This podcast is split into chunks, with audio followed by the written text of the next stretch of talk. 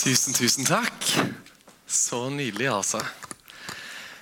Så gøy å være her. Tusen takk for uh, invitasjonen. altså. Det her har vi gleda oss til uh, veldig veldig lenge. Jeg har liksom hørt, uh, jeg har hørt fantastisk mye bra om denne menigheten her og folka her i lang tid. Så dette har jeg sett veldig fram til. Og så er det jo faktisk sånn at Noen her kjenner jeg jo litt fra før. da.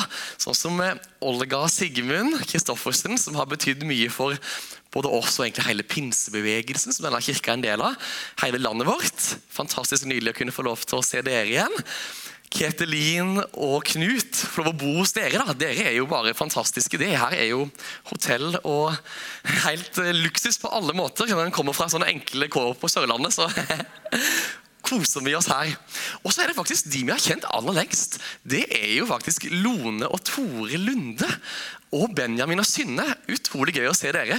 Det her går jo langt tilbake i tid. Vi, eh, da vi bodde i Australia, vi er på bibelskole i Australia, jeg og min kone. Og Da hadde vi vært der en liten stund, bodde i en knøttliten leilighet. Eh, og så vips kommer det en familie fra Norge på fire stykker. Eh, og ikke noe med det, men Vi hadde allerede noen andre boende der i tillegg. i en liten overgang.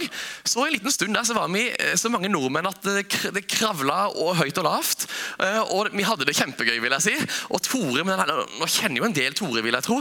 Denne Humoren hans den har satt altså, dype spor, varig med en, vil jeg egentlig si, eh, i mitt liv. På en veldig god måte. Så utrolig gøy å se dere igjen. altså, Det må jeg virkelig, virkelig si. Ellers så heter jeg da som sagt Asle. Eh, for faktisk snart 34 år siden så ble jeg født rett henne i hugget her. Eh, ikke, bak, ikke bak et tre, eller noe sånt, men på Rogaland sentralsykehus. For eh, her bodde min familie i noen år, så jeg føler meg litt ekstra hjemme i området her. det må jeg bare si. Og så er jeg gift med Stine. Vi har to gutter. Jeg liker å kalle oss for Sirkustroppen. Vi kom hele sirkustroppen i dag, så de er i barnekirka nå. da. Vi bor i Arendal, har vært pastor i Philadelphia Arendal en god stund. Eh, og nå er vi i litt sånn overgangsfase hvor vi går med litt kirkeplanting både i magen og i hjertet og i tanker. Så det blir spennende å se hva som skjer. Ellers så kan jeg jo si at jeg får stadig gråere og gråere hår. Høyere og høyere hårfeste. Dypere og dypere viker. Jeg begynner å få ganske skranglete knær og litt sånn kranglete rygg. Men bortsett fra det så kjenner jeg meg skikkelig i toppform. Ung og sprek. Det var sånn, det var meg i et nøtteskall. Føler dere at jeg kjenner meg litt nå? Ja, det er veldig bra. Jeg har for knær nok til å kunne tusse litt rundt her nå en halvtimes tid sammen med dere, så det er veldig bra. Overskriften for menigheten denne første tida av dette året, det er 'viktige vaner og hellige handlinger'. Og ganske nylig nå så fikk jeg en bok som bare var fantastisk på dette temaet. Det var god timing. Den heter rett og slett 'Kunsten å forme livet', med undertittelen 'Plastisk teologi'. og Den er skrevet av en kar som heter Stian Kilde Aarebrot. Og selve liksom tanken hans, eller selve hovedgreia hans det er at han ønsker å hjelpe disipler til å tro ved å gjøre tro. Hvis dere tok den. Og det Han gjør, han kombinerer gull fra Bibelen sammen med eh, egentlig sånn, sånn, gammel klostervisdom og moderne hjerneforskning. Kjempespennende, spør du meg. Og Selve kongstanken hans er den her. Vi, vi former vanene, og så former vanene oss. Og så former det igjen våre omgivelser. Jeg tar det en gang til, for det er så bra. Vi former vanene. Og så former vanene oss, og så er det med igjen å forme våre omgivelser. Og så er det noe forskning eh, som kalles for avgjørelsesutmattelse. Og I møte med denne utfordringa her, avgjørelsesutmattelse, så viser det seg at gode vaner det er utrolig effektivt og utrolig viktig. For greia er, Samfunnet som vi lever i, der er det utrolig mye valgfrihet. En kan egentlig velge hva som helst. En kan velge hva en vil gjøre, hva en vil bli, hvem en vil gifte seg med, hva en ønsker å studere, hva en skal spise, hvordan en skal trene. Vi kan velge utrolig masse mer enn de fleste har kunnet gjøre opp igjennom. Men akkurat det der, det at vi kan velge alt, det blir nesten utfordringa vår òg. Det er at Vi må ta stilling til ting hele tida og velge hele tida. I møte med det så sier Årebrott men har du en vane? Hvis du bare gjør noe, så tar du ingen avgjørelse. Det banale eksempelet er å pusse tennene. Veldig få av oss står opp om morgenen og på kvelden og lurer på skal jeg pusse tennene eller ikke i dag. Vi tar som regel ikke det valget. Det valget har vi tatt for lengst. Vi trenger ikke bruke tid og hjernekrefter på det. Og Slik er det med veldig mange andre valg. Hvis vi har noen rutiner som vi bare går gjennom, så bruker vi veldig mye mindre tid på det. Den boka som jeg har lest, 'Kunsten å forme livet', den trekker fram det at som etterfølger av Jesus så det er utrolig viktig å utvikle noen sånne innarbeida godhetsvaner. Innarbeida godhetsrutiner. Og det er jo virkelig noe som denne boka her, Bibelen, har sagt i mange mange tusen år. Og En av de vanene som Bibelen på mange måter trekker fram, det er det jeg har fått gleden av å prate i dag prate om i dag, og det er nemlig det vi kaller for PT. Og Da mener jeg ikke vanen å ha en personlig trener, selv om det, kan, det tror jeg kan anbefales skikkelig. Eh, men det vi, det vi ofte kaller personlig tid. Personlig tid med Gud. En fantastisk spennende vane. Og den har jeg lyst til å bruke litt tid på sammen med dere. Men før vi gjør det, før vi hopper inn i det, så la meg bare få lov til å be for den tida vi har sammen. Takk, Herre, for at du er her. Takk for at vi kan få lov til å høre fra ditt ord, som er så levende og så spennende, og som gjennom alle tider har noe fantastisk å si inn i alle slags situasjoner. Så jeg takker deg for at du er her, og så kommer vi som mennesker her med ulike bakgrunner og ulike uker og med ulik form og grad av tro, men likevel så tror vi at ditt ord har noe fantastisk å si til oss. Takk for at du er her. Amen. I dag så har jeg valgt å kalle talen for å leke sisten med Gud. Men så skjønner jeg at sisten, det heter det ikke her. Så da tror jeg vi får si å leke tikken med Gud. Er dere med meg da? Å leke tikken med Gud. Veldig bra. Sånn er det når en kommer til homosvak, da man legger om språket. Skjønner dere meg sånn ellers, eller? Ja, det går greit. Jeg må liksom ikke legge om alt. Nei, det er veldig bra. Jeg har jo bodd i, i Rogaland noen år, så jeg, jeg, kunne sikkert prøvd meg på noe greier, men jeg, jeg har lyst til å egentlig spare dere for, for dialektforsøket mitt. Men å leke tikken med Gud og Det kommer vi snart tilbake på, til, men jeg har bare lyst til å gruble litt på det nå i starten. I verdens mest brukte kalender, den som vi kaller for den gregorianske kalender, og som vi bruker, der har vi en sånn betegnelse eh, Vi har mange forskjellige betegnelser, men to av de er før og etter Kristus. Og Jeg må jo bare si at jeg elsker at av alle de, av alle de ting som har skjedd i verdenshistorien, av alle høydepunkter, av alle merkedager som har vært igjennom all tid, så er det faktisk fødselen til vår Herre og Frelser Jesus Kristus, som på mange måter har blitt både utgangspunkt og midtpunkt for hele vår tidsregning. Og Det tenker jeg, det sier utrolig mye om Jesus. Men så er det ikke bare i sånn ren kalendersammenheng at før og etter Kristus er en greie. Men jeg tenker også i forhold, til, i forhold til Gud og hvordan han relaterer seg til verden, så har dette med før og etter Kristus masse å si. Før Kristus så var det en gammel pakt. Nå har vi en ny pakt. Før Kristus så var det et gammeltestamente. Nå er det et nytt testamente. Før Kristus så var det bare noen få utvalgte som kunne høre fra Gud, som kunne få lov til å møte Gud. Mens etter Kristus, etter at Jesus kom, så er det sånn at alle, hvem som helst, har tilgang og mulighet til å kunne møte Gud og til å kunne få til å høre fra Gud. Men så gjelder jo ikke, ikke det her bare liksom menneskeheten sånn generelt heller. Men jeg tenker at det er betyr utrolig mye for våre egne liv. og jeg tipper Det er mange mennesker her og jeg begynt å spørre her, er det mennesker her som helt personlig har fått erfare at det var et før Kristus og et etter Kristus i sitt liv. Så vil jeg tippe at det er ganske mange som kunne rukket opp hånda og sagt ja, det forandra noe i mitt liv. Det var et eller annet som skjedde der. Og det som har gått opp for meg mer og mer i det siste, det er at den personlige relasjonen mellom oss og Gud i sin natur på et vis forandres før og etter Kristus. Før og etter vi møter ham. Før Kristus så tror jeg på mange måter det er sånn at det er Gud som søker etter oss. Det står det i Esekiel 34 og vers 11. Se, jeg vil selv lete etter sauene mine og ta meg av dem, sier Gud. Og det står i Lukas 1910.: For menneskesønnen er kommet for å lete etter de bortkomne og berge dem. Og blant annet I Lukas 15 der møter vi tre lignelser, tre historier. I den første historien så møter vi en sauebonde som har 100 sauer. og Så mister han én av de sauene.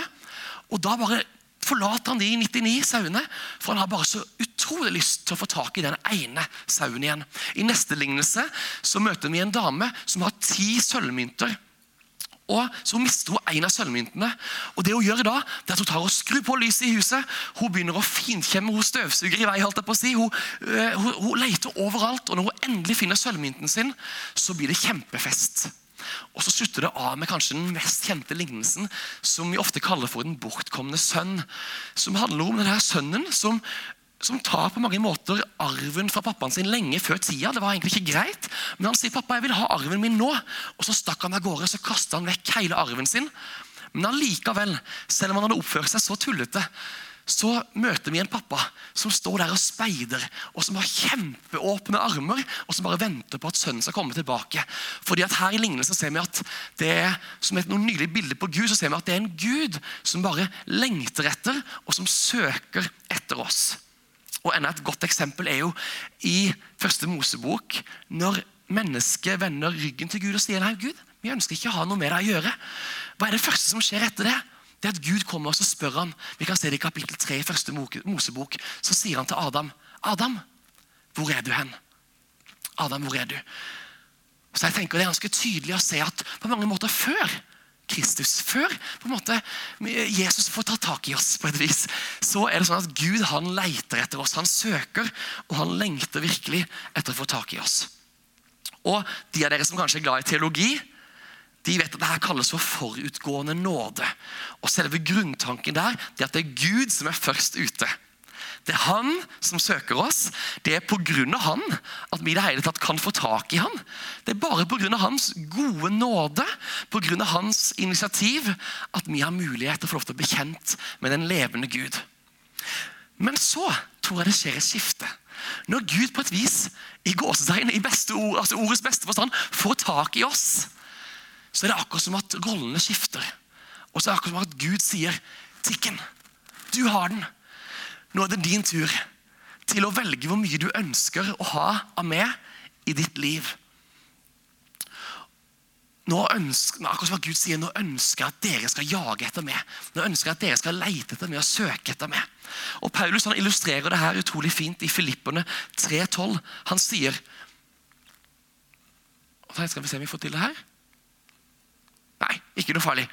Jeg mener ikke at jeg alt har nådd dette eller alt er fullkommen, men jeg jager fram mot det for å gripe det, fordi jeg selv er grepet av Kristus Jesus.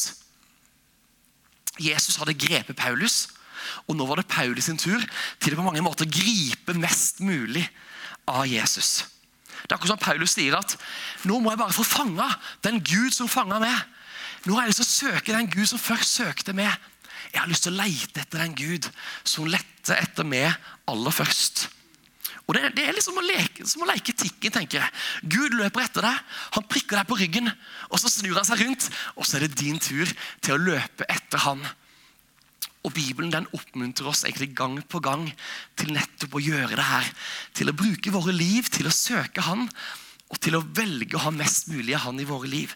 F.eks. i Jeremia 29, vers 13-14 står det Dere skal søke meg, og dere skal finne meg når dere søker meg av et helt hjerte, la jeg dere finne meg, sier Herren.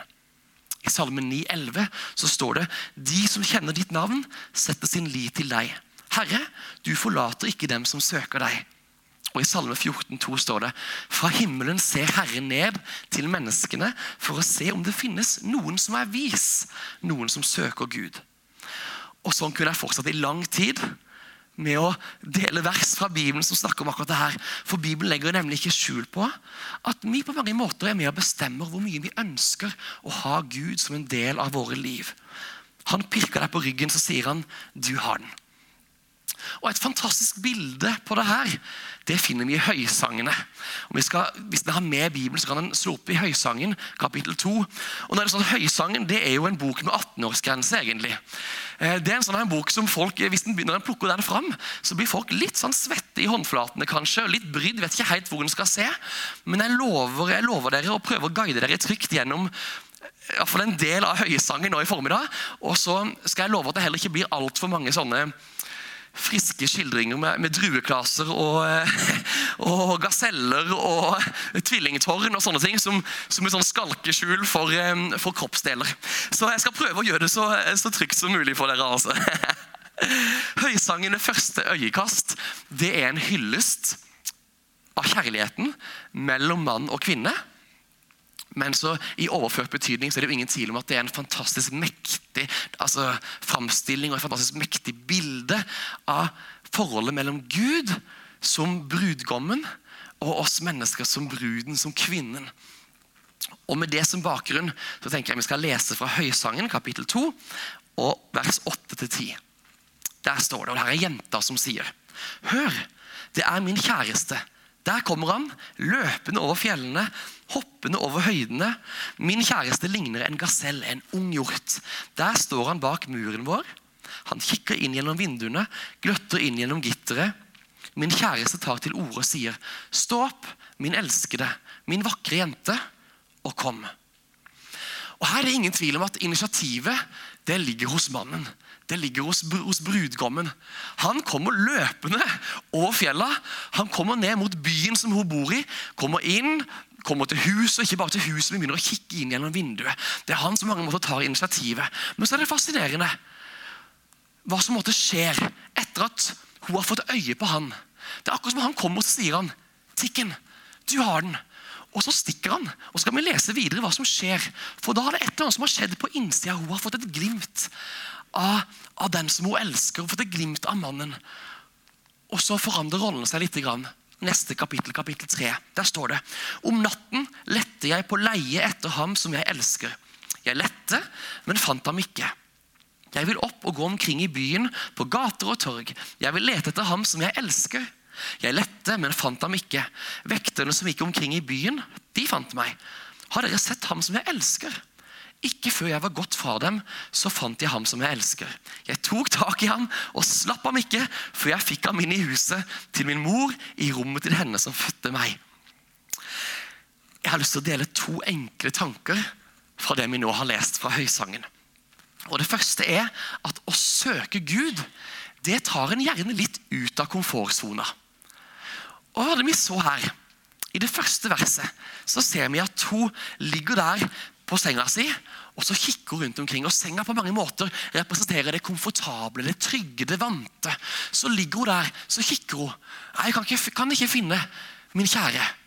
Så det som skjer i neste vers er at Hun begynner å gå ut av komfortsonen, gå ut i, i nattemørket, hvor det er kaldt, litt utrygt. Men hun forlater det trygge, så går hun ut og begynner å kikke litt. Klarer ikke å finne. Klarer ikke å se noe sted. Så i vers 3 så går hun enda videre. Nei, men jeg må jo finne han. Begynner å spørre andre. Har dere sett Min kjære, har dere sett han? Hvor er han hen?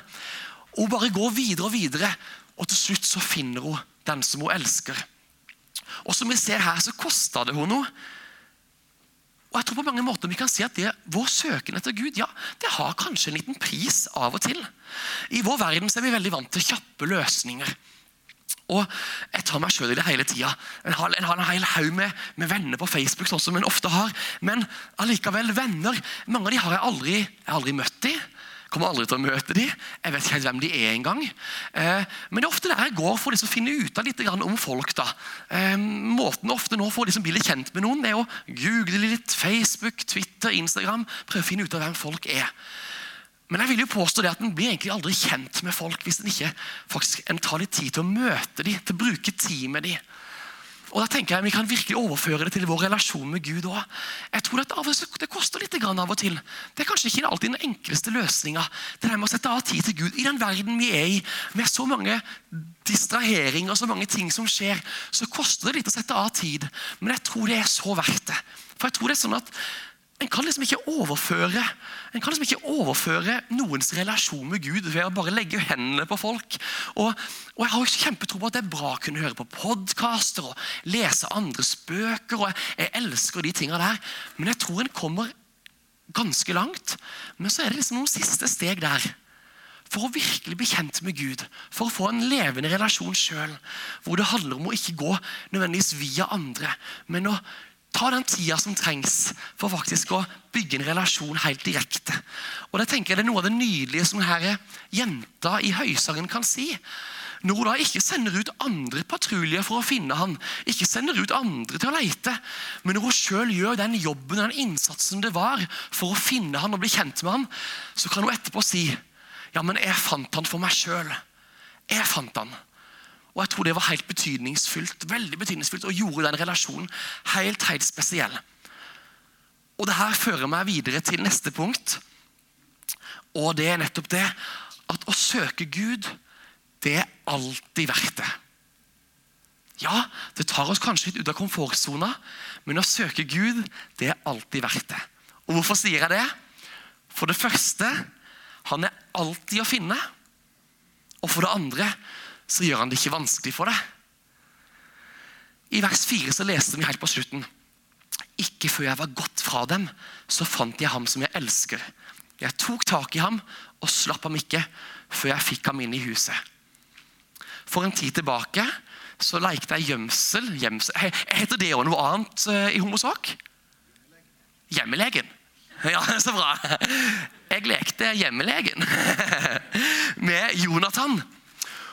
Min minste, Vår minste han er, han er fem år, han var enda litt mindre da. Og da var greia, Vi hadde noen runder, vi bytta på å stå, og den andre gjemte seg. Og Så hadde jeg da gjemt meg bak baderomsdøra. Og Så kommer Jonathan så finner han meg. Og Så sier han, 'Pappa, nå skal du ta gå i, inn på stua og telle.' 'Og så skal jeg gå bak døra her og gjemme meg.' og Jeg syns det var kjempenydelig. Og det er klart at eh, Veldig vanskelig var det jo ikke det må jeg jo innrømme. Å finne en som allerede sa hvor han var å finne. Men hvis jeg ikke hadde gjort jobben med å lete etter han, hadde jeg bare blitt sittende inne på stua, så hadde jeg faktisk ikke funnet han. Og jeg vet ikke om noen av dere har vært borti Vokst opp med Willy. Hvor er Willy? Hvor er Willy? Det var en sånn bokserie hvor et eller annet sted på hver side så var Willy. Og Jeg skal ikke tenke å finne ham nå. altså. Jeg burde hatt en premie kanskje til den som klarte å finne Willy nå. Eh, men det tror jeg ikke vi skal gjøre.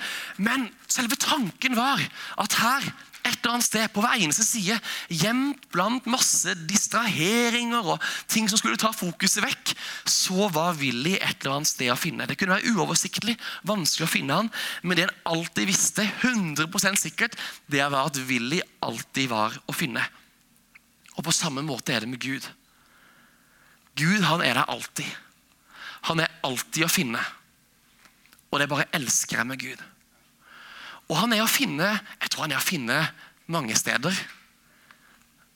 Og jeg tror virkelig et sted det er å være sammen i fellesskapet. Det å være sammen i kirka. Det å komme sammen møte andre som er glad i Jesus. Jeg tror det smitter over og gjør noe fantastisk. Men jeg tror det at den kommer ikke helt utenom det der helt personlige. Dette her med å bruke tid med han sjøl, det å bygge inn en sånn god vane i livet sitt med faktisk å sette av noe tid til bare en sjøl og til Jesus. Nettopp fordi han ønsker det sånn. Han har valgt det sånn. Han ønsker fellesskap med oss. Gud som har skapt oss. Han kunne kanskje gjort det på en annen måte. Men det er akkurat som at jeg får et inntrykk av at han har valgt det sånn. Han søker oss først. Det er hans nåde. Det er hans godhet, bare. Hans tålmodighet med oss. Det er jo det som er hele forskjellen. Det er det som, det er, det som er, det som er game changeren her. Men så han ønsker å gjøre det sånn at når vi da har fått tak i han og fått sett han, når han har søkt etter oss, så ønsker han en sånn relasjon basert på at han er en gentleman. Han, han, velger, han, han sier, 'Gutten min, jenta mi, jeg trenger meg ikke på.' Du har fått en smak av meg, og nå kan du få lov til å bestemme hvor mye du ønsker å ha av meg i ditt liv. Og jeg synes Det er en kjempenydelig måte å gjøre det på. Og jeg tror En av de beste investeringene som vi kan gjøre i vår etterfølgelse av Jesus, og det det å leve med han, det å bygge inn en sånn vane som handler om å sette av litt tid i hverdagen til deg sjøl og Jesus. De her ytre rammene kan se veldig forskjellige ut. For noen ser det, ser det, ut som en tidlig morgen, for noen ser det ut som en kveld. For noen ser det ut som å være ute i naturen og bruke den tida. For andre ser det ut som å gå inn bare på et rom helt for seg sjøl og sitte der. De ytre rammene de tror jeg ikke er de viktigste tingen. Men kjernen, det tror jeg er den samme. Det at Gud er å finne når du trekker deg litt tilbake. Kanskje det er nesten ekstra lett å finne han når du trekker deg litt tilbake fra det der, hva skal jeg kalle det, nesten hamsterhjulet som vi ofte nesten løper i, som vår hverdag er, med de samme tinga og ting som egentlig fyller tida vår så masse. Det kunne av og til bare trekke seg tilbake og sette av litt tid til å bare være sammen med han og bli kjent med han. Og jeg tror de fleste av oss de som, som, som, kjenner Jesus og som, som, elsker han og som har, tenker han er det viktigste i livet. Han har forandra livet mitt. Jeg tror mange av oss vil si det at det her med personlig tid, PT, det, det er noe som en vet er viktig. I hvert fall i hodet, og kanskje i hjertet òg. Men jeg trenger seg lenger enn meg sjøl til å se at det er men ikke alltid like lett å sette av den tida i den travle hverdagen.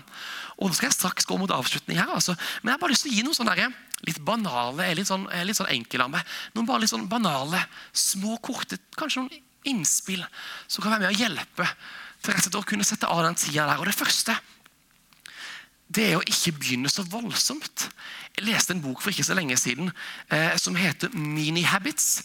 Han heter Stephen Guys, han som har skrevet den boka. Og I Mini Habits så sier han at vi mennesker altfor ofte så begynner vi voldsomt stort. Nå er vi helt på begynnelsen av et nytt år. ikke sant? Jeg vet ikke hvor mange av dere som har prøvd dere på noen nyttårsforsetter. Men forskningen viser det at de fleste av oss vi, vi, hopper ut av de nyttårsforsettene og andre ting vi bestemmer oss for ganske fort. og En av hovedgrunnene er for at vi begynner så voldsomt. Vi tenker at vi skal få til både det ene og det andre. Men så sier de at i mini-habits hvis vi bare begynner med noen sånne bite sizes, noen, noen eh, biter som vi kan klare å gape over, så det er den beste måten å kunne begynne å bygge vaner og komme inn i noe godt. Det andre vil jeg jeg vil rett bare si gjør det lystbetont. Jeg vet ikke hva det betyr for du, men for noen så kan det bety å sette seg ned med en god kopp kaffe, litt te, være et sted med god utsikt, ehm, en god stol. Eh, hva det måtte være for noe, Gjøre det til noe fantastisk lystbetont. For jeg tror det er det det er meint å være. Og det er utrolig spennende. Det tredje, finn din sånn primetime. time. Finn en tid på døgnet som du er ordentlig god. Dette, dette ble en sånn forandring for meg. For Jeg hadde vokst opp med at ja, det beste du må komme deg opp gørrtidlig, grytidlig om morgenen. Og begynn, og begynn da. Men eh, Stine kan skrive under på min kone at jeg ikke er et, er et monster om morgenen. på en måte. Det trodde jeg kanskje ikke. Men jeg, jeg, går, jeg går, litt sånn i svima og fungerer dårlig. Men da jeg leste en bok som het eh, Divine Mentor. Og Noe av hjertet bak der var at finn den tida på døgnet hvor du er best, hvor du er på ditt beste, hvor du er våken og hvor du er klar. Og sett av noen minutter på den tida til å bruke tid sammen med Gud. Og Det synes jeg var fantastisk bra. Og så tenker jeg, kunne, En kunne nevnt flere ting, men jeg skal ikke bruke tid på, men ikke minst det vi egentlig prater om i dag. Det er med å bare zoome ut og bare se hvilken spennende ting det er at den som har skapt oss, at han som elsker oss, og som kjenner oss, han ønsker å bruke tid med oss. Han ønsker å sette av tid med deg hver eneste dag. Så kunne bli bedre kjent med deg, At du kan få lov til å bli bedre kjent med han. Ja, da tror jeg Han kjenner deg veldig godt fra før. Men at du kan få lov til å bli bedre kjent med han. Han kan bli en større del av ditt liv og din hverdag. Hvor spennende er ikke det, tenker jeg. Og jeg tror at Noen av de tingene her til sammen kan være med å hjelpe oss Det er kanskje å ta et lite steg om vi er på forskjellige steder i livet. Men at kanskje det kan være med å hjelpe oss eller ta et lite steg på veien til å gjøre noen sånne gode valg. Bygge noen gode vaner i livet som handler om dette med å sette av litt tid med Gud. Da skal jeg runde av. jeg vet ikke, Er det sånn at teamet skal på etter hvert? Skal jeg, kanskje den vil komme opp allerede litt, så skal jeg ta, gjøre de siste, siste tinga. Hva er det jeg ønsker å formidle nå i formiddag, sånn i kjernen? Jeg tror vi ofte sitter og venter på Gud. Men så tror jeg egentlig sånn at Gud han sitter og venter litt på oss i forhold til nettopp dette med å søke Han. Og Betyr det at Gud ikke er aktiv i våre liv? Nei, på ingen måte. Jeg tror det at Gud han stadig kommer med tilnærminger. Jeg tror han stadig ønsker Og jeg tror det er akkurat som at denne gjemselen da, like, hjemmeleken at Gud han, han sier til deg Pip. Pip. Kanskje kommer, når vi kommer litt på avstand, eller kanskje kjenner vi blir litt distrahert av hverdagen, og de her tingene her, så tror jeg ikke Gud bare glemmer oss og sier nei, men da, da er det, da er håpet ute for han her eller håpet ute for hun her. Da tror jeg Gud sier pip. Og jeg tror det er noe av det Gud ønsker å si til deg denne formiddagen her òg. Uansett hvor du måtte være i ditt liv, om du er kanskje her og ikke kjenner Jesus, så tror jeg at Gud han, han, han sier pip. Ta kikk litt denne veien her. Ta kikk litt mot meg. Kan det være at, eh, at faktisk jeg kan få lov til å bety noe for deg? At jeg kan få lov til å gjøre noe i ditt liv som gjør at du kan få til å kjenne at du faktisk får kontakt med din skaper, som kjenner deg inn og ut? Eller kanskje for du som er her, som kjenner Gud fra før, men som kanskje Sånn som det kan skje med, med, hvem som helst av oss. Av ulike årsaker hvor en kjenner at en kommer kanskje litt på avstand eller bare blir litt distrahert. Det mye som tar litt tida. Så tenker jeg at det her er en sånn formiddag hvor Gud sier pip. Pip. Her er jeg her. Jeg gjør det ikke vanskelig for deg. Men jeg, er ikke, men jeg er ikke han som trenger meg på. Jeg er en gentleman. Så du velger sjøl hvor mye du ønsker å ha meg i ditt liv. Og det har jeg lyst til å bare invitere dere til denne formiddagen. Og ikke bare denne formiddagen, men egentlig tida som ligger foran det er til å bygge inn en sånn nydelig vane i ditt liv som handler om nettopp det. Og sette av litt tid hvor du kan få lov til å bli kjent med Gud for deg sjøl. Ikke bare høre om Han og lære om Han gjennom andre, men faktisk kunne få lov til å bygge en relasjon som er livgivende, og som, som du kan få til å bygge livet ditt på videre. Det er min invitasjon til dere denne formiddagen her. Så kan vi ikke ta reise helt til slutten, og så har jeg lyst til å ta og be for dere. Og La meg bare lese dette siste verset her, som jeg så vidt var innom i stad. Fra himmelen ser Herren ned til menneskene for å se om det finnes noen som er vis, noen som søker Gud. Det her er Guds hjerte. Han ønsker så, ønsker så å være sammen med deg, bruke tid med deg. Så skal vi ikke gjøre det så komplisert, for jeg tror vi kan møte Gud så mange steder. og Det er jo en av grunnene til at vi er sammen her nå i formiddag. Det er for å møte Gud og bli mer kjent med Han. Men som sagt, jeg tror faktisk det at Som denne jenta i høysangen fikk oppleve, at det å finne sin kjære for seg sjøl, på egen hånd, gjøre den jobben der, det er så verdt det. Og det tror jeg det er så verdt for oss òg. Herre, tusen takk for de herlige menneskene som får være sammen denne formiddagen. Tusen takk for at du er en sånn en Gud som det, det, er din nåde. Det er du som har gått først, Herre, og det er bare pga. du at vi kan få lov til å kjenne deg. Det er bare pga. du at vi kan få lov til å få tak i denne frelsen og få tak i denne nåden. Men så elsker jeg at du har gjort det sånn at du ikke trenger deg på, men at du gir oss invitasjon. Kom, jenta mi. Kom, gutten hvor mye du ønsker av meg i ditt liv. Og Nå ber jeg for hver eneste en her. Vi er på forskjellige steder i livet. Men jeg tror denne formiddagen at du kanskje sier litt sånn Pip, her er jeg. Kanskje spesielt hvis vi har mista litt av synet. Hvis vi ikke helt har det så klart for øynene våre. Hvor det er mange andre ting som har tatt, tatt fokuset vårt. Så tror jeg du kommer og så sier du pip på den nydelige måten som bare du gjør. Og da ber jeg Hellige Ånd, takk for at du virker her som ligger foran. Så ikke det skal være en sånn greie hvor vi tar og drar oss opp etter, liksom etter nakken og prøver å få til ting på egen hånd. For sånn er det jo ikke. Det er jo du som gir kraft og styrke i hverdagen til å kunne klare å gjøre det her. Men jeg bare ber om at det skal på mange måter bli en sånn glede og en sånn lystbetonthet for denne forsamlinga, for hver eneste en her i tida framover, til å faktisk sette av litt tid til å bli bedre kjent med himmelens og jordens skaper. I Jesu navn. Amen. Amen.